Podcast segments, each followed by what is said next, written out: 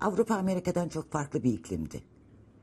Amerika liberal bir anayasayla kurulan demokrasi. Oysa Avrupa, eski dünya bir imparatorluklar manzumesi. İmparatorluk deyince de akla ilk gelen şey emperyalizm. 20. yüzyılın başlarında Afrika ve Asya kıtalarının yüzde 85'i Avrupa imparatorluklarının sömürgeleridir.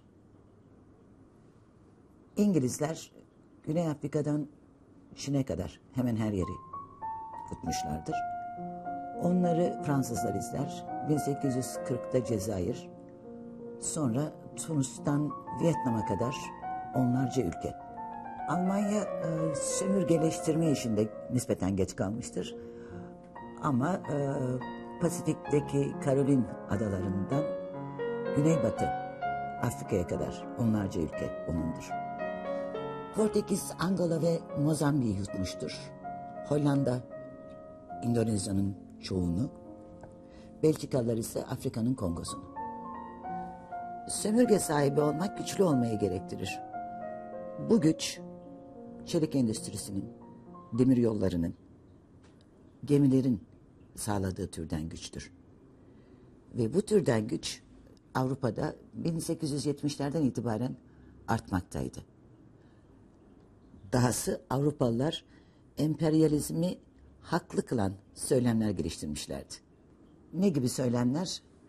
Ee, mesela e, güçlü e, ülkelerin zayıf ülkeleri boyundurukları altına almalarının haklı ve doğal olduğu şeklindeki söylemler. Tabii Darwin'den yola çıkarak. Kimi sömürgeleştirme yoluyla Tanrı'nın dinini, Hristiyanlığı yaydığı ve sevap kazandığı için mutluydu. Kimi e, beyaz adamın üstünlüğünü barbar kavimlere taşıdığı için mutlu ve gururluydu. Kimileri ticaret yapabildikleri, e, fabrikalarına ucuz ham madde sağlayabildikleri için mutlulardı. Hal böyle olunca e, ne orta sınıf ne de Avrupa'nın belli başlı kiliseleri, Katolikler, Protestanlar, Ortodokslar vesaire e, sömürgeciliğe karşı çıktılar. En kötü ihtimalle baştan öbür tarafa çevirdiler ve hoş gördüler. Hal böyle olunca herkesin ortak çıkarı orduların güçlenmesi şeklinde gelişti. Peki hiç muhalefet yok muydu? Vardı. Ee, kapitalizm karşısı sosyalistlerden gelen muhalefet. Örneğin Lenin emperyalizmi kapitalizmin en son aşaması olarak yorumluyordu. Bu anlattıklarımızın konumuzla olan ilgisi de şöyle. 19. E, yüzyıl emperyalizmi ve dünya lideri olmak hırsı 20. yüzyıl başlarında Avrupa'yı sağ ve sol olmak üzere iki büyük kampa böldü. Solda e, demokrasiden komünizme uzanan fraksiyonlar, sağda e, yurtseverlikten e, faşizme kadar uzanan klikler. Çok çeşitli dünya görüşleri. Çok çeşitli bölünmeler, çoğu kez birbirine düşman, kendi işlerinde muhalif gruplar. Şimdi çok çeşitli dünya görüşleri demek, çok sayıda siyasi parti demek. 1929 krizi ve izleyen büyük çöküntü Avrupa'yı vurduğunda bu çeşitli görüşlerin her birisi kendi çözüm önerilerini getirdi. Ee, Amerika e, büyük çöküntüden en çok yara alan ülke olmasına karşın çözüm e, reçetelerinin sahipleri arasında çatışma olmadı. Oysa Avrupa'da özellikle de kıta Avrupa'sında solcuların muhtelif fraksiyonları ile sağcıların muhtelif fraksiyonları kendi aralarında ve birbirleriyle kıyasıya çatıştılar. Almanya'daki çatışmalardan Naziler kârlı çıktılar. İngiltere'de ise 1929 krizinin çözümü İşçi Partisi'nin başına kaldı. İngiltere deyip geçmek adet olmuş. Oysa ülkenin resmi adı Büyük Britanya ve Kuzey İrlanda Birleşik Krallığı. İngiltere Büyük Britanya adasındaki ülkelerden birisi, diğer ikisi İskoçya ve Galler. 15. yüzyılda başlayan sanayi devriminin beşiği İngiltere. Fabrika sisteminin yaratıcısı. Ee, 19. yüzyılın son çeyreğinde Amerika devreye e, girinceye kadar dünyanın en büyük sanayi mamulleri üreticisi. Aynı zamanda dünya ticaretinin lideri. İyi bir iklim, zengin madenler, gelişmiş deniz ticareti ki bu deniz ticareti sayesinde dünya deniz ticaret yolları hakimiyeti, deniz aşırı fetihler, sömürge pazarları, bütün bunlar Britanya ekonomisini güçlendiren unsurlar olarak ortaya çıktılar. Bu saydıklarım kadar önemli bir başka e, unsur da e, Büyük Britanya'nın kıta Avrupa'sının dini savaşlarına bulaşmamış olması. E, bulaşmamış ve dolayısıyla e, kendi işlerine yani ticarete bakmış olmaları. Ve ayrıca her ne kadar ağır olsa da e, reformları, çözümleri kıta Avrupa'sına nazaran çok daha hızlı yapabilmiş olmaları. İngiltere ayrıca kapitalizmin de beşiği. E, kapitalizmin e, beşiği olduğu için krizleri herkesin önce yaşamış bir ülke. Hatta e, 1929 krizinin bir benzerini hatta ilk provası denebilir. 1720'de yaşadı İngiltere. Meşhur e, South Sea Bubble, Güney Pasifik balonu hikayesi. Bu krizde e, bir İngiliz devlet adamı Robert Harley'nin başının altından çıktı. Şöyle ki e, 1720'de e, İngiliz hükümetinin iç borçları vardı ve bu iç borçları ödeyemeyecek hale gelmişlerdi. Hartley tuttu tüccarları İngiliz devletinin borçlarını devralmaya ikna etti. Şu e, şerhle ki eğer onlar borçları devralırlarsa hükümetle kraliçe de e, onlara Güney Pasifik'te ticaret yapma imtiyazı tanıyacaktı ve bu imtiyaz bir tekel olacaktı. Tüccarlar bunu kabul ettiler. E, kalktılar e, bir şirket kurdular. E, şirketin e, adı Güney e, Pasifik şirketi e, ve e, Güney Pasifik'te ticaret yapmaya karar verdiklerini ilan ettiler. Şimdi bununla birlikte Güney Pasifik'teki e, ticaretin ne kadar karlı olduğunu anlatmaya koyuldular ve akıl almaz söylemler gelişti. E, bir zamanlar Kudüs civarındaki zenginlikleri anlatan söylemler gibi altınlar, baharatlar vesaire. E, sonuçta bu kurdukları Güney Pasifik şirketinin hisse senetleri kapışılır oldu. Sonra derken şirketin yöneticisi kendi hisselerini, hisselerini birdenbire elinden çıkardı. Onu şirketin diğer yöneticileri izledi. Ne oluyor? Millet şaşırdı ve arkasından bir paniktir başladı. Herkes hisse senetlerini elinden çıkarmak için koşuşturdu.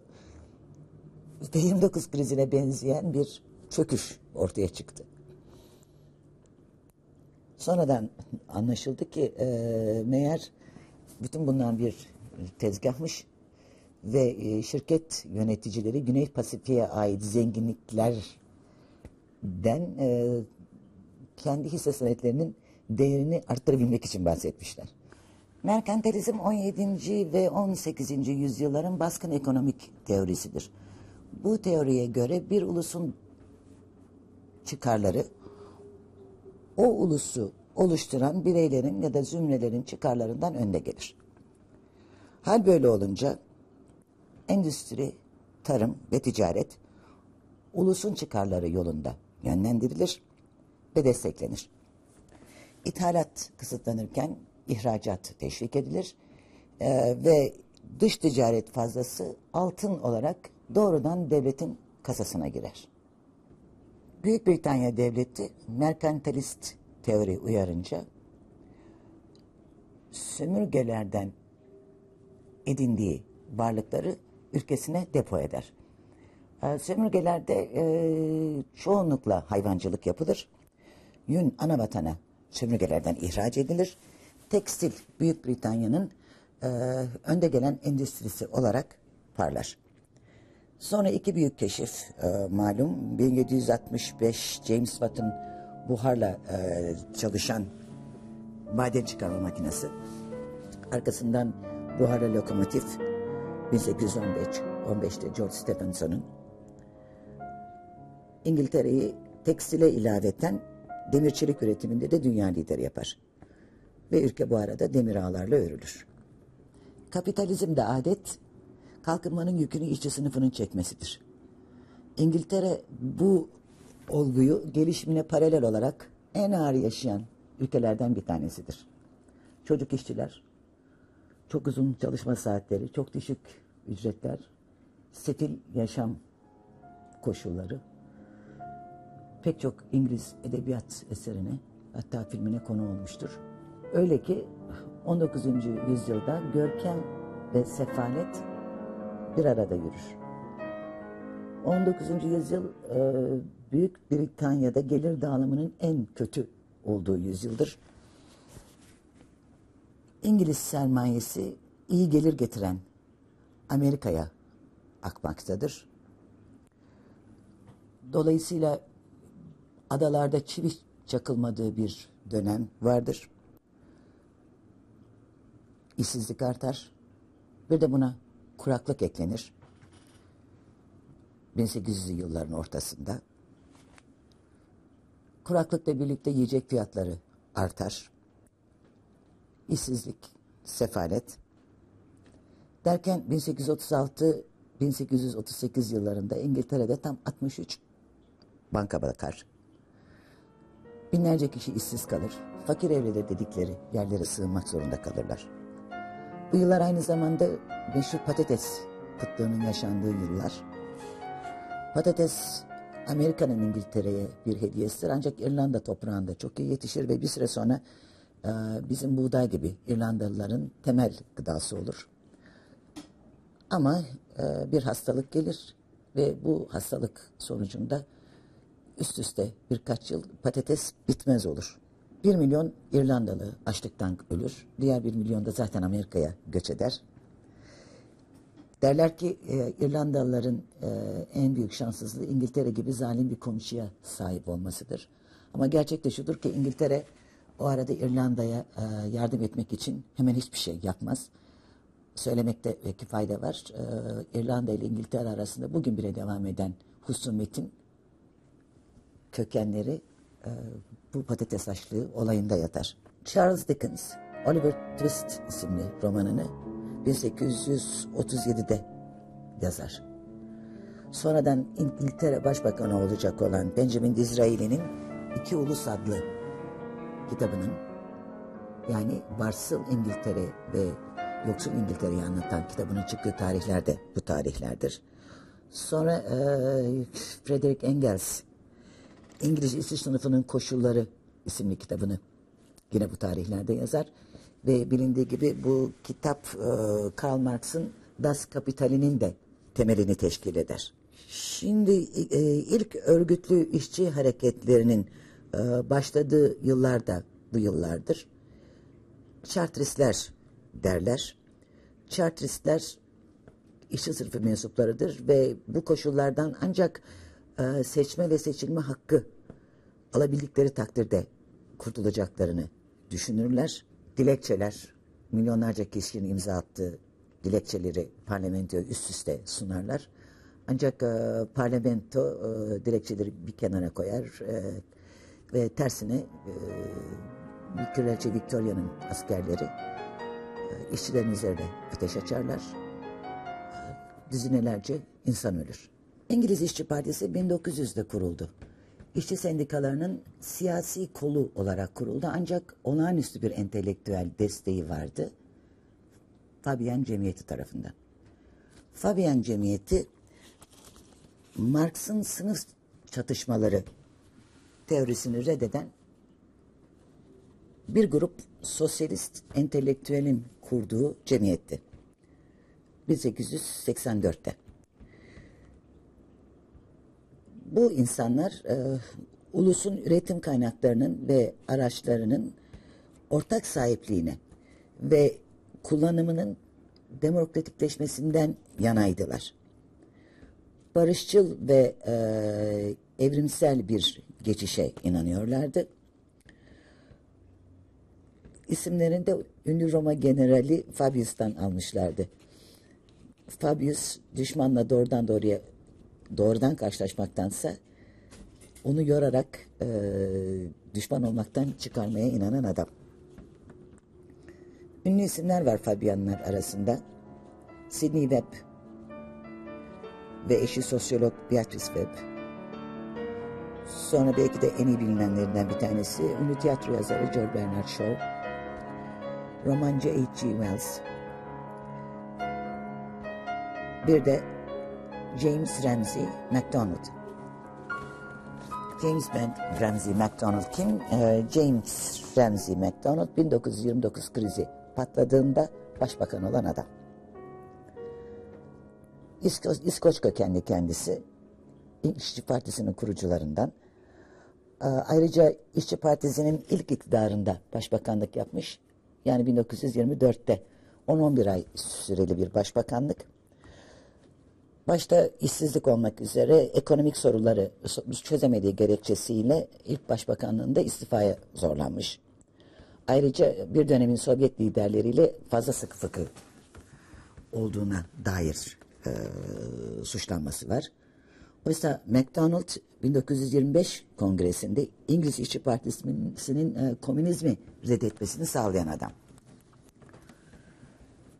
Her neyse e, İngiliz İşçi Partisi'nin ikinci iktidarı adam akıllı şanssız. E, çünkü MacDonald kendisini e, değiş yerindeyse her kafadan bir sesin çıktığı ekonomik hercümercin ortasında buluyor. İngiltere'de işsizlik her zaman yüksek olmuş. Ama 1929-1933 yılları arasında ikiye katlamış. Sanayi üretimi yüzde 25 düşmüş, ürün fiyatları keza. İngiltere ekonomisinin bel kemiği olan e, gemi inşa endüstrisi ise tamamen çökmüş durumda. Tabii bu ercümercin içinde e, her bir partinin önerileri var. İşçi Partisi'nin keza. Ancak ilginç olan bir şey var. McDonald belki de e, Fabian cemiyetinin üyesi olmasından kendi partisinin önerilerine iltifat etmemeyi becerebilen bir adam. İşçi Partisi'nin önerilerini uygulamaya koymaktansa istifa ediyor. Ve Muhafazakar Parti'nin Stanley Baldwin'in başkanlığında Liberal Muhafazakar ve İşçi Partisi'nden oluşacak bir koalisyonda görev almayı tercih ediyor. Bu olağanüstü bir e, hareket tabii. E, hemen e, kendi sınıfına ihanetle suçlanıyor. Parti parti başkanlığından, yani İşçi Partisi'nin başkanlığından atılıyor. Buna rağmen e, hükümette kalmaya devam ediyor. Öte yandan yeni başbakan Stanley Baldwin, dediğim gibi muhafazakar partiden ve hemen hiç eğitim görmemiş, resmi eğitim görmemiş McDonald'dan farklı olarak Trinity College, e, Cambridge Üniversitesi gibi İngiliz aristokrasisinin e, gözde okullarının gözde öğrencilerinden. Baldwin'in de başbakanlığı var e, daha önceden. Onunki de 1924-1929 arası. Ee, yani e, McDonald'dan hemen sonra gelmiş. Halef Selef olmuşlar ikisi. Baldwin ilk başbakanlığı sırasında 1926'da genel greve giden işçilerin e, taleplerini kulaklarını tıkamakla tanınıyor. Dahası 1927'de de sendikaların güçlerini tırpanlamaya çalışmış ve dolayısıyla de e, şimşekleri üstüne çekmiş. Bu iki adam birlikte çalışıyorlar ve koalisyon hükümetinin ilk icraatlarından bir tanesi sterlinde altın esasından vazgeçmek oluyor. Bir muhafazakar için e, altın esasından vazgeçmek bayağı e, ilerici bir adım sayılıyor günün koşullarında. Neden? E, çünkü e, klasik iktisatçılara göre bir ülkenin altın standartından vazgeçmesi, iflas etmesi, iflasını ilan etmesi anlamına geliyor. Bu tartışmalı e, bir konu elbet e, ama nedenlerini daha önceki programlarda görmüştük. altın standartını bu arada hatırlatayım. Altın standardı dolar, mark, sterlin, frank, lira gibi ulusal para birimlerinin belirli bir miktar altının isminden ibaret olduğu para sistemi. Yani mesela dolar e, kelimesi bir ons altının, bir ons yaklaşık 28 gram, 20 de birinin adıdır. Sterlin kelimesi ise bir ons altının dörtte birinin adı. Böylece e, bir sterlin bir dolardan daha çok altın miktarını temsil eder. Dolayısıyla daha değerlidir. Altın standartından çıkan koalisyon hükümeti paranın arzını böylece arttırmış oluyor. Gümrük duvarlarını yükseltiyor. inşaat sektörünü destekliyor. Bu tedbirler başta inşaat, otomobil ve elektrik sektörlerinde iyileştirme getiriyor. İyileşen bu sektörler lokomotif oluyor ve 1933-37 yıllar arasında Büyük Britanya ekonomisinde rahatlama başlıyor. İşsizlik İskoçya ve Kuzey İngiltere'de ciddiyetini muhafaza ediyor. Buna mukabil Birleşik Krallık halkı çöküntüden kıta Avrupası kadar etkilenmiyor. Almanya'da görünen ideolojik kanlı savaşlar İngiltere'de görülmüyor. Kanada ve Avustralya'ya eşit hakların verilmesi hariç imparatorluğa dokunulmuyor. Beşinci George'un itibarı yerinde. Ama oğlu 7. Edward iki kez evlenip boşanmış bir Amerikalı kadınla Mrs. Simpson'la evlendiği için tahtından oluyor. Bunun dışında İngiltere eski İngiltere olarak kalmaya devam ediyor.